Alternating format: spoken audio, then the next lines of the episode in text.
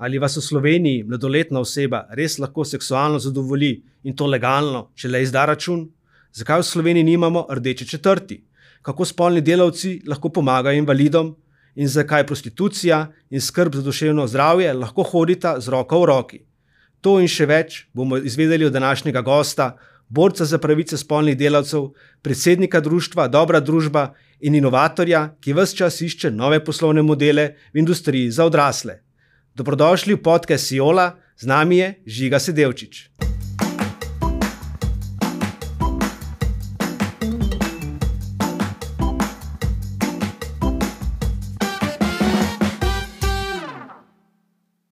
Najlepša hvala, da ste se odzvali v Bilu. Hvala tebi, da si me povabil.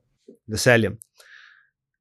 Resni temam na začetku takoj. V Sloveniji so torej lahko mladoletne osebe erotični maserji oziroma maserke. Je to res? Erotično maserstvo, eh, maserstvo ni omejeno z leti. Se pravi, lahko to izvaja vsakdo, ki ga lahko zaposliš.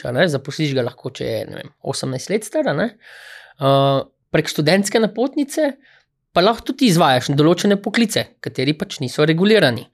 In erotično maserstvo, sigurno ni regulirano, tudi prostitucija ni regulirana, ne vem, poslanec tudi ni reguliran poklic, lahko imaš osnovno šolo, um, nimaš nobenih omejitev kot poslanec. Tako da pač uh, bi lahko rekel, skoraj nekje tam, tam, tam so. Um, zdaj, če imam jaz erotični masažni salon in če jaz recimo rečem študentskemu servisu, jaz bi pač imel prosto delovno mesto, oni ne morejo tega omejiti z, z leti, ker zakonsko ni omejeno, oziroma ker pač ni v tem opisu omejeno. Hipotetično to pomeni, da pač fant, dekle, ki je star 15-16 let, lahko pač dopoledne dela študentsko delo v erotičnem masažnem salonu, in mi popoldne ne more pač posreči piva in mi ga računati, ker pač je gostinstvo, oziroma da, je, da si na takar, hvala Bogu, ne, vsaj to je nekako omejeno, ne, omejeno z leti in pa z nekimi omejitvami. Vse to, kar ste zdaj povedali, pa ste se kaj obrnili na kakšne uradne inštitucije, ste to izpostavljali, kaj v javnosti? Ja, mislim, mi smo kontaktirali ministrstvo za delo. Pač mi smo šli še en korak dol. Se pravi, mi smo uh, kontaktirali, mislim, da je CPI, Center za poklicno izobraževanje. No, in smo rekli, uh, mi bi pa naredili. Mi bi pa naredili NPK za erotičnega maserstva, ker na podlagi NPK-ja lahko ti daš neko omejitve. Noter, ne ne rabiš zdaj sklicovati celega političnega zbora. Sorry, da prekinjam, lahko samo za naše gledalce. NPK je. Uh, nacionalna poklicna kvalifikacija. Tako. No, in smo mi tja poslali uh, naš predlog, na, smo, mislim, da imaš celo na njihovi internetni strani, da lahko daš pobudo, in mi smo dali pobudo, mi smo vse to izpolnili, mi smo povedali, kaj, kaj je erotična masaža, kaj ni, kaj se dela.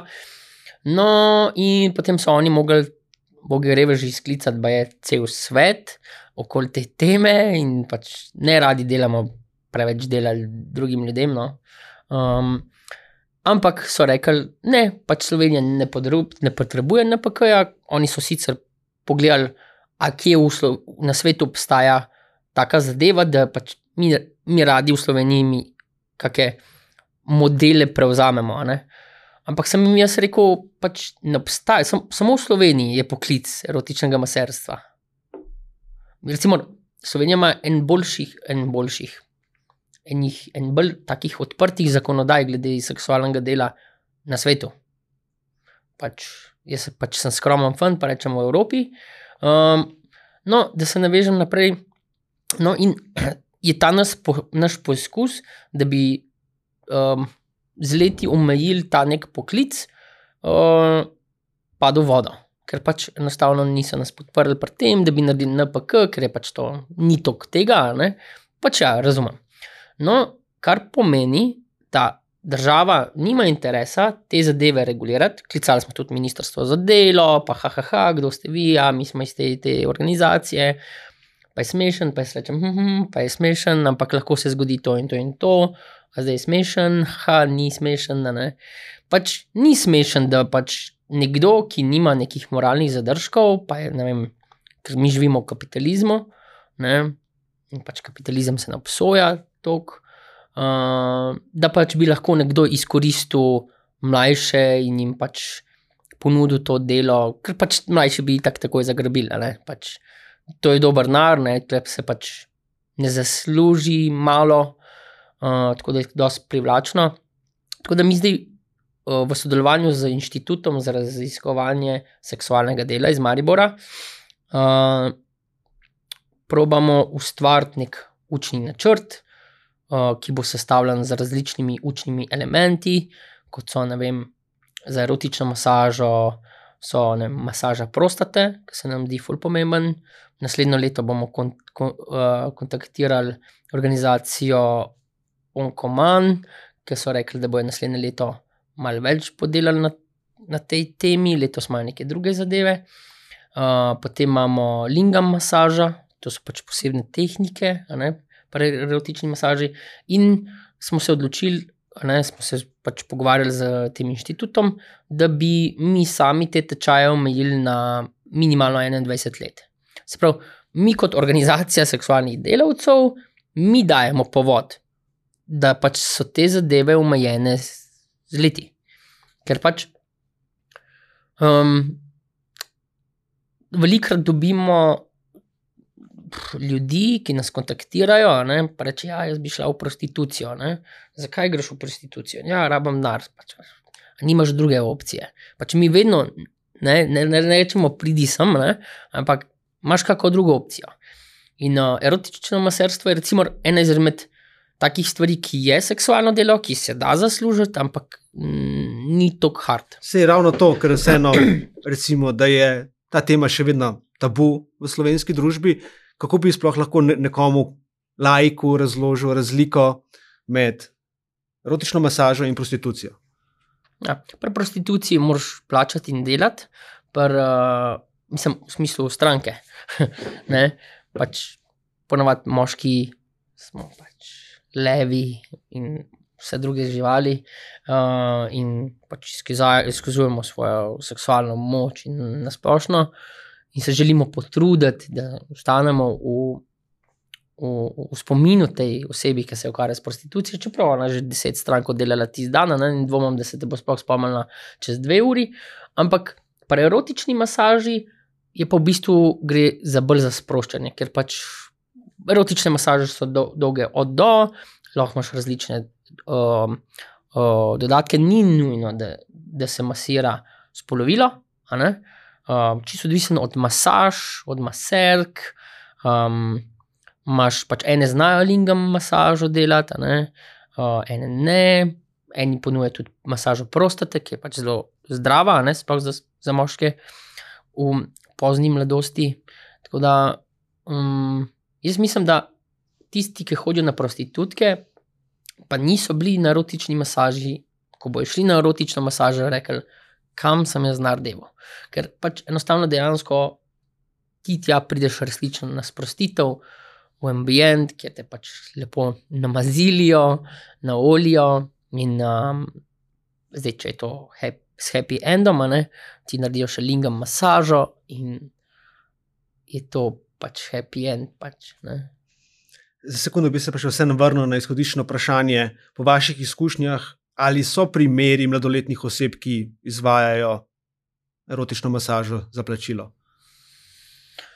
Zdaj, glede na to, da 90% seksualne industrije v Sloveniji se itak dela na črno. Ne, pač, uh, po naših informacijah, ki pač dosti izvajamo, dosti izvajamo monitoring, no, kaj, kaj je na tem trgu in ni. ni. Mm, s, nismo zaznali, se pravi, mladoletnih.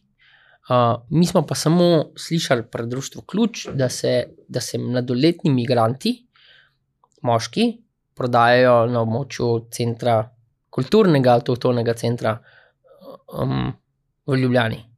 Uh, zdaj pač to ni naše delo, ker mi se ukvarjamo samo s pozitivnimi stvarmi v industriji za odrasle, ker imamo druge imamo fulejnih organizacij, ki se ukvarja z, z vem, otroško prostitucijo, z, uh, z žrtvami in te zadeve, in mi pač jim odstopamo in mesto in jih vedno pohvalimo. Društvo Ključ 22 let, odkar so med nami. Zatrli so vso zvodništvo, skoraj v Sloveniji, zaprli so skoraj vse nočne klube. Mislim, pomagali so. Mislim, ampak problem pri teh, pri teh zadevah je, ker se vse gleda enostransko. No, sej, do tja še pride, pa bi samo še pri erotičnih mesažah vprašal. Omenili ste, da večinoma se izvajo na črno. Kljub temu, pa če gremo na Google, pišemo erotična masaža, je samo v Ljubljani ene 25 masažnih salonov. Hm, to niso saloni. Uh, mislim, da je v Ljubljani so štirje masažni saloni, ki imajo obrt, ki pač zaposlujejo. Um, to so zelo. To, to je del, nezahvalno delo, če ga delaš legalno, ne? ker imaš skozi nadzore in pač si skozi pod lupo, mm, te skozi pregledujejo, ampak na drugi strani ne pregledujejo tistih organiziranih celic, ki se ki izvajajo po spalnih naseljih, kjer je, kjer je droga, kjer pač mogoče resnično lahko prihaja do kakih žrtev ali pa ne vem, matratiran. Če, če ne drugega psihičnega matratiranja, ki ga je zdaj več ni ni v tem zvodništvu, v, tem, v tej industriji, ni toliko nasilja, razen v BDSM-ju. Ampak vseeno, sem tako za oceno, če lahko, mogoče veste, koliko denarja pa se obrne na leto, potem, če pogledamo, koliko je že tega legalnega dela. Mhm. Kakšna ideja? Mm, ne bi delala policija neko raziskavo, statistike, ampak to je vse tako dolg nazaj. Edino, kar pač vem, je, da, v, da koliko denarja slovenski kupci iznosijo v Avstrijo. To je okoli 70 milijonov na leto. Govorimo samo čez mejo, ne? o raznih klubih, ki jih pač oni imajo. Ne? Um, da ne delamo zdaj reklame. uh, ampak um, v Sloveniji je tega še več, zato ker je masovno več ljudi, ki se ukvarja s tem. In to so različni tudi žanri. Ni samo prostitucija, je, prostitucija je del um, seksualnega dela, seksualno delo pa je del industrije za odrasle.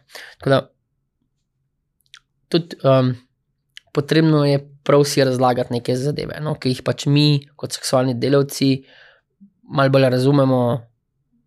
In distance, in kaj se sme, kaj se ne sme. Tako, ne vem, eskort, oziroma spremstvo, je ugrabljena beseda za prostitucijo v državah, kjer pač uh, nimajo dovoljene prostitucije. Ne? Čeprav spremstvo lahko ti, recimo na Balkanu, spremstvo, eskort, spremljanje, poslovno, poslovna pratnja je na balkanskih, v balkanskih državah že odnegdaj legalno. In ti odpreš lahko firmo, tako kot pač lahko odpreš firmo za BDSM studio, ki ga imaš lahko kjerkoli, tudi tam, kjer je prepovedana prostitucija. Se pravi, kakšen je potem odstotek, recimo, iz, kot laik bi, ko govorimo o industriji za odrasle, bi rekel, da predvsem prostitucija ja. obstaja. Ja. Lahko vam povem srpski, iz Srbije podatek. V Srbiji prostitucija predstavlja nič cela 3% DBP. BDP. B, ja, tako. Ampak to je samo unih, ki so jih dobili. Ja. Mi imamo, dol, dol, imamo organizacijo v Srbiji in a, so, smo začeli sodelovati z predsednikom sindikata policijskih, starš, a, policijskih delavcev in policijskih staršin Blažo Markovičem, ki je v bistvu tudi on dal pobudo 2017 za državi, kao, legalizirajte prostitucijo, ker mi se ne, ne da se nam več s tem ukvarjati. Ker pač ljudje so jih dobili, so dobili kazni in oni so nadaljevali to, to delo. Ne? Policaji so pa pač imeli ure in ure in trude, da so te stvari razkrinkali po njihovi službeni dožnosti. In, in so sami rekli, pač, da je to urediti, ker je brez veze. Če se vrnemo v Slovenijo, ne? sami ste omenili, v bistvu mineva 20 let od dekriminalizacije prostitucije malo kasneje prišla, še prišla legalizacija. Kaj se je v bistvu spremenilo v zadnjih 20 letih na tem področju? Pač, moramo, mi smo vedno, pač moje sogovornike, um, izobraževati. Legal, nimamo legalizacije, ampak pač, ja, mi smo na poti k legalizaciji prostitucije. Mm, dvomim, da bo prišel do tega, ker mi smo proti, mi kot organizacija smo proti. Zakaj? Um, zakaj? Mislim, če nekaj ostaje v okvirih obrti, zakaj bi mi iz tega naredili poklic? Poklic pa veš, kako je. Ne? Pač ekonomsko izkoriščanje. 100%. Se pravi, to je zdaj predstavljaj si, jaz imam bordel in jaz tebe zaposlim kot prostituta in ti rečem, le, minimalca boš dobil, če pa narediš 10 strank na dan, ne, boš pa dobil 200 evrov na koncu meseca. Kaj misliš? Se pravi, podjetniški duh. Tako je, ker v bistvu to je v bistvu tudi za prostitucijo, govorijo, da je najstarejša obrt. In naj to tam ostane. Ali je potem mogoče to razlog, v bistvu bom drugače vprašal, zakaj v Sloveniji nimamo še rdeče četrti? Če gledamo recimo v Nemčiji, ima že skoraj vsako drugo mesto en del mesta, ki je namenjen. Ja. V bistvu mi smo, mi smo obiskali gospoda Jankoviča mm, nekaj časa nazaj. Mm, smo ga kar malo razburili, ampak je pogovor kar tekel, mislim, da kar čez pol ure. Kar kar v njegovih krogih pomeni, da to smo bili zanimivi sogovorniki. Uh, mi smo takrat dali predlog, uh, da bi podhod Ajdovščina, ne, ker je bil takrat zapuščen, uh, da bi tam bila rdeča četrt, ne, ker pač je v centru mesta, ampak ni viden, kontrola dostopa, vstopa izstopa, se pravi zaradi varnosti, fulejnih izložb. Ne, tako da, uh, no, takrat so oni imeli nek projekt, kjer bi naredili nek otroški kino noter in so bili projekti že narejeni, tako da smo zmislili. Ampak ni, bila, ni bil to namen. Namen je bil, da um, zdaj se iz prostitucija, pa seksualno delo se več ali manj ukvarja, uh, izvaja v spalnih naseljih. To zgleda pač blok. Eno stanovanje, zraven ima stanovanje, štiričlanska družina, na drugi strani ima stara mama, ki pač točno ve, kdaj kdo pride in koliko časa se dere in koliko na glas um, v tem sosednjem stanovanju. In to pač mislim, da nekako družbeno ni higienično. Um, tako da pač naslavljam vse občine, da pač. Če po eni strani se želimo znebiti tega, moramo na drugi strani omogočiti, kje pa se lahko da. Ker tako kot gostinstvo, ki je pač skoraj najbolj regulirana stvar, dejavnost po mestih, ki imaš teraso, koliko imaš terase, od kdaj do kdaj imaš teraso, koliko imaš. Mislim, vse moraš povedati. Ne? Je lahko tudi druge, druge dejavnosti omejijo z nekimi, z nekimi ne vem, akti ali pa pravilniki. Recimo. Ampak glede na to, da ste že toliko časa dejavni v tem prostoru, ali obstaja, po vašem mnenju, kakšna je verjetnost, da bo do tega res prišlo v Sloveniji? Jaz ti povem, do česa bo prišlo. Um, rdečih četrti ne bomo imeli v Sloveniji, ker, ker kot, um, kot ideja zastarela, izživeta, neumna. Uh, sigurno pa mi spodbujamo seksualne delavce, da če že iščejo prostore, um, kjer bi delovali, jih naslavljamo na poslovne, industrijske, gospodarske cone, kjer pač so delovniki 24-urni, ker pač je ogromno varnostnih služb, ki pač so tam po noč tam. Ti kot, ti, če odpreš SP, kot prostitut, imaš tudi, tudi lahko najameš varnostno službo, pa imaš ne vem. Um, Máš nekoga na klic, ki pride v roku 3 minut ali pa ne vem prej. Ne, pravi, ne rabiš imeti zvodnika, ki ti vzame pol, ne, ampak enostavno plačeš, ne vem, priklopi so zdaj okoli 30 evrov, pa vsak prihod je 30 evrov in ti za 60 evrov na mesec, če se ti enkrat to zgodi, ne rabiš za 5 ur z vodnikom. Pač. Optimizacija, finančna pismenost bi lahko, bi lahko rekel temu, pa pravna pismenost. In to so v bistvu tri pismenosti: zdravstvena, zdravstvena pismenost, pravna pismenost, finančna pismenost. So ene stvari, ki, ki, kjer mi poučujemo in delamo projekt tudi na inštitutu, da bi naredili nek internetni začetni učni program teh pismenostih, to je neka osnova. To je tako, kot greš ti, ne vem, delati si obrtnik in greš v neko drugo državo. Ja, pač kaj boš naredil? Ja, pač vprašal boš, ne? kaj lahko odkje do kje ne gremo v zapor ali pa ne plačam kazni. Pač to je fajn vedeti. Finančna pismenost, to me pa malo zanima. Kaj, kaj, v bistvu, kaj mislite s tem? Ja, zdaj, mislim, predstavljaj si, ti si seksualni delavec, na minimalcu skozi, ali pa nisi na socialni. Pa greš ti v seksualno delo, kar od enkrat 3, 5, 10 tisoč evrov, cash flow, cash, cash, cash. Itak, kor, torbica, zdaj če si ženska, ne, torbica, Louis Vuitton, vse je full komplet, se pravi, podaljški za 300, ni da ni, ne, se, ni, bed, se pravi, kul. Cool. In jaz vedno pra- pravim, ne, izživi se. Vsakmu seksualnemu delavcu pravim, da so ne- neke tri, tri faze, ki jih jaz svetujem, oziroma ki vem, da so. Euforija. Ne, pač ti boš takrat, vse si boš kupil, kar si do zdaj nisi mogel. Ne? In pol, itak, ker že vse to kupaš, pa pride zabave in pa se itak razmontiraš, ne? zdravstveno in vse to, življenjsko, in pa pride čas, da investiraš v sebe, da se pozdraviš, da začneš delati na notranjem zdravju, da delaš na, na svojem templu. In tretja faza je, investiraj za tvojo prihodnost. Ne? Zdaj pač eni nikoli ne grejo ven iz te euforije, eni ostajajo na drugi točki, kjer pač ne njihno se zdravijo, ne? pa pač mogoče se treba kdaj tudi prav pozdraviti, pa iti k komu, na kak pogovor. Ne? To je fajn. Tako da nekako smo začeli nek projekt nekaj podpornih skupin za seksualne delavce, um, kjer pač jih, žel, jih probamo usmeriti k določenim strokovnjakom, psihoterapeutom. Um,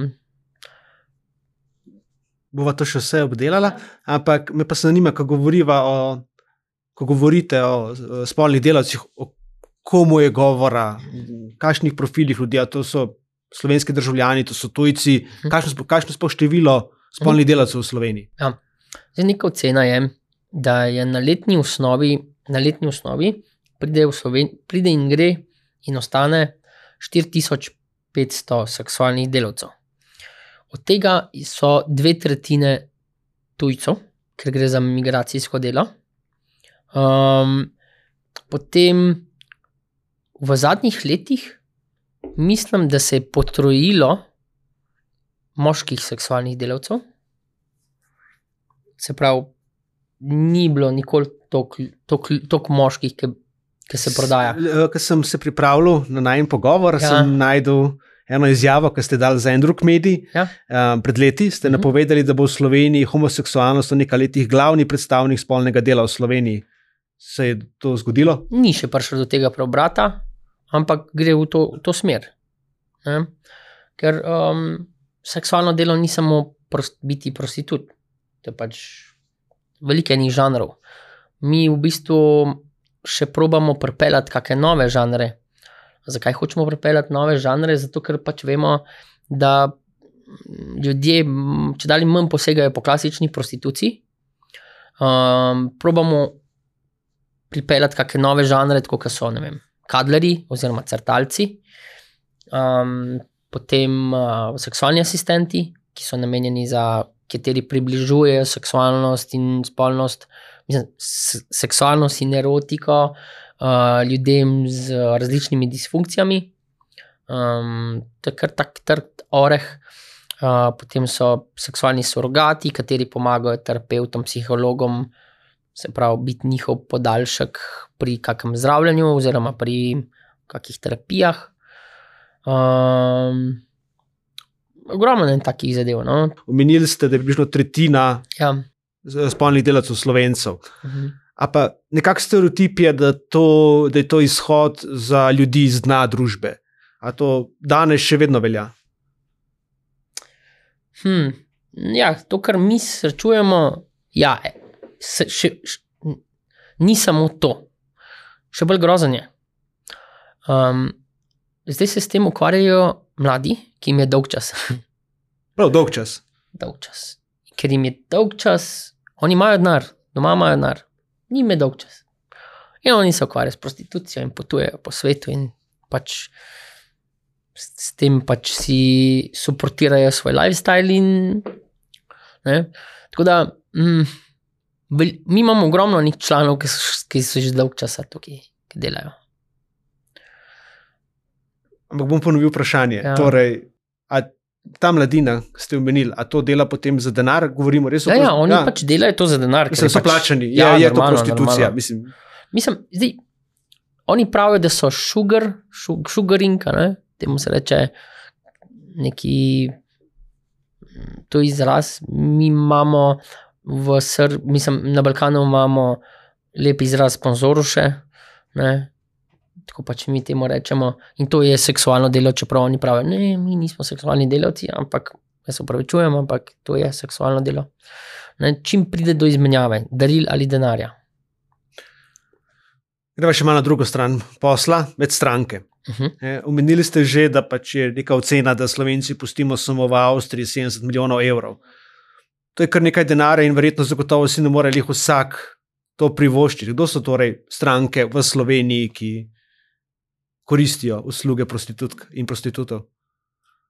Ja, mislim, definitivno to so še vedno moški gubci. Uh, za moškega ni problem denar za seks. Ne, pač, raj položnice ne bo plačal, ampak nagon je močnejša stvar, kot kar ne vem, RTV prispevek ali pa neki.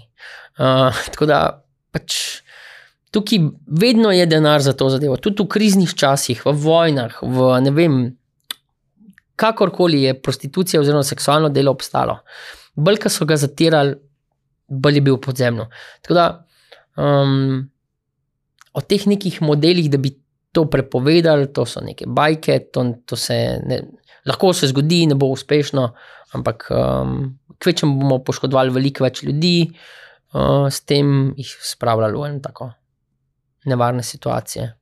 Tako da, ampak slovenski kupec, slovenski kupec je dober kupec. Um, se pravi, naši člani ne delajo samo v Sloveniji, delajo po tujini in vedno se radi vračajo v Slovenijo, ker je varna, ker um, je dosti dela, ker so stranke, naši slovenski um, športniki, so seksualni športniki, so rekreativci, um, so čisti, prijazni, hitri, kar je tudi pomembno ne, za seksualne delavce. Um, ni jim problem plačati, čeprav zdaj so zadnji čase so problemi, zato ker je veliko delavcev prišlo iz Južne Amerike, se pravi Latine, ki pač um, nekako rušijo ta nek, neki trg. S, nimajo dela, ker pač niso Pri nas latine niso zanimive našim strankam. In zato, ker niso zanimive, ni klicev, ni, ni, ni, ni strank, ker ni strank, potem pa znižujejo ceno. In pač nekdo, ki je pač tujč tudi tukaj, pa njemu je vse, iz kje je ona. Potem na drugi strani uničujejo trg, ki pa je recimo v Sloveniji dobiš, um, govoriva zdaj za uro, za uro seksa z, z oralo nekje dobiš tudi več izlivov, no, če si odvisen, je od 120 evrov na gor. Kaj pa ženske, tudi med strankami danes? So, so se bolj zahtevni kupci. Pri ženskah ni nič enostavnega, ama nič. Tudi pri kupovanju teh, tega, um, teh storitev, oni te storitve kupujejo zgodbo, ne, pa s popusti. Ne, tako da pač to so taka dva, to so take dve stvari. Um, nikoli ne bojo, mislim, redko, redko, da bojo one šle in šle na oglas in bojo rekle, ne, tega. Uh, mi smo nekako na Hrvaškem začeli na te tantrične žigole, um, ki sem tudi sam vodil to delavnico, v Puli smo imeli. Uh, zakaj v Puli in zakaj na Hrvaškem? Zato, ker pač uh, tantrični galebi smo jih, smo jih uh, oklicali, oziroma določili ime. Um, to je pač neka, neka, mm, neka mešanica med spremljevalcem in maserjem, ker pač na koncu koncev ženska se vedno rada dobro sprosti, dobro rada je, rada dobro pije in se ima rada, dobro se rada ima.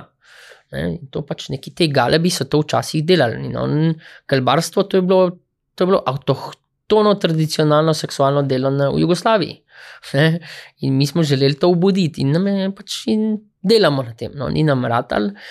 Ne, sej, veliko se tudi govori o tem, da danes v bistvu ljudje pri spolnih delavcih ne iščejo samo seksa, ampak vse več in več samo pogovor, neko bližino. Tudi sami ste že prej omenili, da poskušate uvesti nove oblike uh, dela seksualnih delavcev. Imate kakšne izkušnje, koliko je v bistvu tega v Sloveniji? Ja, mislim, mm, dobra družba je nek kolektiv seksualnih delavcev, ki pač posledično za sabo pušča tudi kolektivne informacije in izkušnje, um, iz katerih jaz zdaj lahko govorim in sem pač tudi zagovornik tega. Um, tako da um, ogromno strank, sploh govorimo o je štajerski del, ne, oni enkrat pridejo na seksualno storitev, naslednjič, ki so pa pri tej um, izvajalki, pa se hočejo pogovarjati. Zdaj, te, te naše članice, ki so ponovadi, ne so pač ponovadi rado žive, so pač bolj. Imajo rade, zelo rade imajo seks, se pravi, skoraj infomanke. Pač ne se ni tam za pogovarjati, ne z nekom, pač ti veš, zakaj si tam prišel. Tako da pač tudi niso kompetentne za tako stvar. Mi smo to nekaj časa raziskovali in smo rekli, da kadlerji oziroma crtalci so pa neki, ki niso seksualni delavci, to se pravi, ne rabiš seksati. Mm, to bi lahko bil tudi v bistvu nek nadgradnja, nadgradnja uh, tega dela, ki že počneš, se pravi, neka prostitutka, ki želi ven iz tega, ne, se pravi, ne želi, uh, hoče še vedno zaslužiti, ne, ne bo šla zdaj v Merkator delati za minimalca. Um, in bi ostala v tej branži, ker že ima neke stranke, ne? lahko lažje se izuči, ne? da je empatična. Mislim, to itak mora biti. Ampak lahko, ja. pardon, da prekinem, ampak kaj so v bistvu kadlari? Kadlari so crtalci, oziroma nekdo, ki svoj čas posveti samo tebi, svojo pozornost posveti tebi, te posluša, gre na sprehod, vem, te objame, lahko prespi pri tebi ampak nima seksa. In to so, kadri imajo v bistvu tudi, ko smo se zmenili, da, tudi, da so v kontaktu s psihoterapeutom, imajo tako nekak, neke supervizije, ne, da pač ne gre, da, da se nadzira, nek, da se nadzira psihično zdravje kadlerja. Ne, ker ti absorbiraš neke stvari na sebe, in če jih ti ne znaš dobro to predelati, kar pač. To prideš s časom in izkušnjami. Um, da pač ne gre to v napačno smer. Uh, po drugi strani pa kadleri so nek pol korak do alterapeuta, se pravi psihoterapeuta, ali pa mogoče do, enega, do seksualnega delavca. Zato ker pač jaz sem večkrat ponovil, da je to en, ta en isti stavek. Uh, ogromno je enih ljudi, ki, bi, uh, ki hodi na prostitutke, na seksualne delavce, in, ampak v bistvu rabijo psihoterapijo. Uh, ampak, sigurno je več ljudi, ne, ki hodijo pa na psihoterapijo, ampak rabijo samo enega seksualnega, seksualnega delavca. Tako da v bistvu ta kader, crtalec, je v bistvu nek pol korak do obojih. Ne, ker pač tudi kader reče, reče hm, vidi klinični primer, ne vem pač nečesa pove supervizor, ki je supervizorju, in pač supervizor reče, pač to ni, ti nisi kompetenten za to stvar, in pač crtalec priporoči terapeuta, psihoterapeuta. Tako da mm, nismo mi zdaj vse mogočni, vemo, da imamo neke svoje omejitve. In uh, vemo pa, da zdaj prihaja decembr, koliko je osamljenih ljudi, koliko je vdov koliko je, koliko je vem, razpadlih vez, dolgoletnih, ki se ljudje ne morejo pobrati. Ne? Mm, tako da pač smo zdaj na začetku rekli, da bomo dali nek popust, ne? uh, pa nekaj bone bi naredili, ne? Ker pač dejansko lahko prijatelji kupijo ne vem, nek čas, neko, nek božanje duše, rečemo. ne, Um, da, da, da so, ker težko je, recimo, um, se mi dva, mogoče, da bi bila prijatelja, ne, ampak kaj bom jaz zdaj tebe, kle objemu. Mogoče nekdo rab tretjo osebo, da se mu izpove. Ne. Ogromno je ljudi, ki so osamljeni. Zagotovo. Ampak, recimo, kadleri, kot ste omenili, jih vi vidite, da v bistvu lahko ponudite spolnim delavcem en izhod iz poklica, pa vem, da dobra družba, da veliko delate na tem, da jim pomagate. Kaj so še druge, kakšne karierne perspektive jih, recimo, sploh čakajo, kaj lahko delajo potem, ko želijo zapustiti Hm. uh, svet? Ni nujno, da zapustijo svet. No, mislim, ta svet, Ja. ne, ta eh, svet industrije za odrasle. Lahko se samo prekvalificirajo, da jim temu rečem. Zato pač v sodelovanju s tem inštitutom za raziskovanje seksualnega dela imamo več različnih projektov, na katerem delamo. Odskoč, odskočna deska je ena izmed njih. Imamo dva, dve podjetji, ki ponujajo karierno mm, pot, ali pa da nekaj da delaš za zraven. ne. To so, um, eno je svetovalec za prehranska dopolnila, um, eno je pa se pravi uh, prodaja frizerske kozmetike, kot potniki. Ker ti ljudje pač oni sebe prodajajo. Pač, ne vem, če, si, če, si, če ste vi kdaj sebe prodali, ne vem, ampak pač nekdo, ki sebe prodaja, sigurno zna tudi kaj drugega prodati. Ne. Tako da, pa ogromno je še teh nekih zadev, katere, nekih veščin, znanj, katere skozi seksualno delo nekdo se nauči, priuči, osvoji. Um, definitivno znajo ravnati v kritičnih situacijah, znajo nekako uh, proda prodajati. ne. Uh, mislim, mi smo tam raz, te zadeve raziskovali, tako da smo navedli kar veliko enih teh zadev, ki jih zdaj iz glave ne vem, kam toliko stvari. Um, tako da ja, uh, sicer pa ne se pohvalim, um, upam, da nisem to že prehmal rekel, ampak z, z Legibitro uh, delamo na enem projektu, ki bomo s prvim prvim omogočili vsem seksualnim delavcem brezplačne, brezplačne uh, testiranja za spolno prenosljive bolezni. In to je kar tako, big deal. Tako da, Kako pa je to še problematika danes? spolno prenosljive bolezni, Ja. pač zelo, Ja? zelo, mislim, mogoče glih ni zdaj uh, v novicah teh, te stvari, ampak razhaja super gonoreja. Mm, pač to, so, to je gonoreja, ki je odporna na antibiotike, ki jih dobiš pri lokalnem zdravniku. ne. Um, in za take hujše stvari se morajo uporabljati bolj vojaške antibiotike, izkleti, močne. Tako da, um, ogromno je hepatitisa C, ne, hvala Bogu, imamo zdaj neke tablete, ki so strašno drage, ampak um, nič tega ni, od- nič od tega ni, se ne bi zgodilo, če vse se ogromno je enih pro, programov o STD-ju, spolno prenosljivih boleznih. Tako da, mm, testiranje je pa ena izmed stvari, ki pač um, je fulnujno potrebna. No? Jaz Ne. mislim, da ima premalo imamo mi, kot seksualni delavci, imajo premalo kulture samo testiranj. Mislim, da bi mogli to odvigati na višji nivo.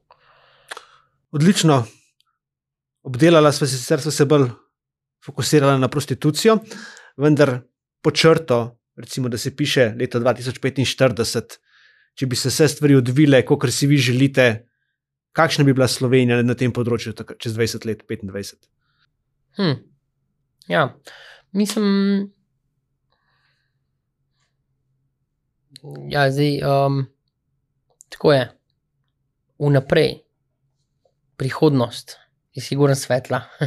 Uh, definitivno delamo na, delamo na orodjih, mehanizmih uh, in pa protokolih uh, za seksualne delavce. Želimo, da jih, da, da jih ohrabrimo pri samostojnem in neodvisnem podjetništvu. Uh, želimo, da se te ljudje samo legalizirajo, da odprejo SPD, karkoli. a ne. Um, potem bo prišla neka, prihaja zdaj neka platforma, na kateri delamo že nekaj časa, ker pač ta trenutek imaš uh, na voljo kupi prodaj te neke platforme, neke strani, kjer pač se te zadeve neki na pol kupujejo. Mi delamo platformo, ki je prilagojena seksualnim delavcem, ker bojo imeli noter ice court management, smo poimenovali, ker bojo pač sami menedžirali uh, svoj, svoj čas, koliko časa od stranke do stranke rabijo. Uh, pač tako ful na višjem nivoju. Uh, želimo, da se pač ljudje samo testirajo, da se testirajo, um, in pa da te stvari grejo iz spalnih naselij v poslovne cone, tam, kjer jim je mesto, ker pač to je posel. Um, s tem pač bo tudi višja varnost, manj žrtev. Tako da pač to je tako, domina efekt. Vsaka stvar potegne svojo stvar. Odlično. Za konec, če smem, uh mhm. -huh. Osebno vprašanje. -huh. Kako ste končali v tem svetu?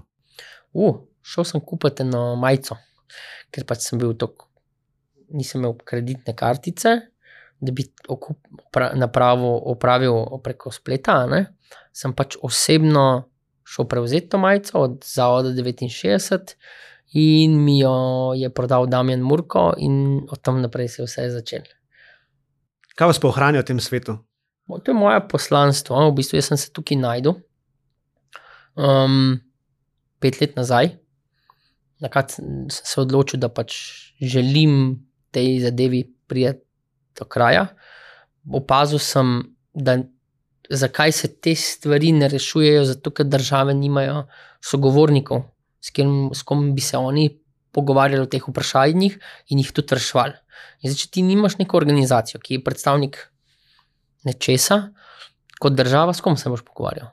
In ne moreš rešiti. In, in pač prihajajo časi, kjer pač bodo tudi seksualni delavci sodelovali, sodelovali o razpravah o seksualnem delu, ki pa do zdaj niso. Odlično. Najlepša hvala za obisk in za vsa pojasnila. Prekratko je bilo.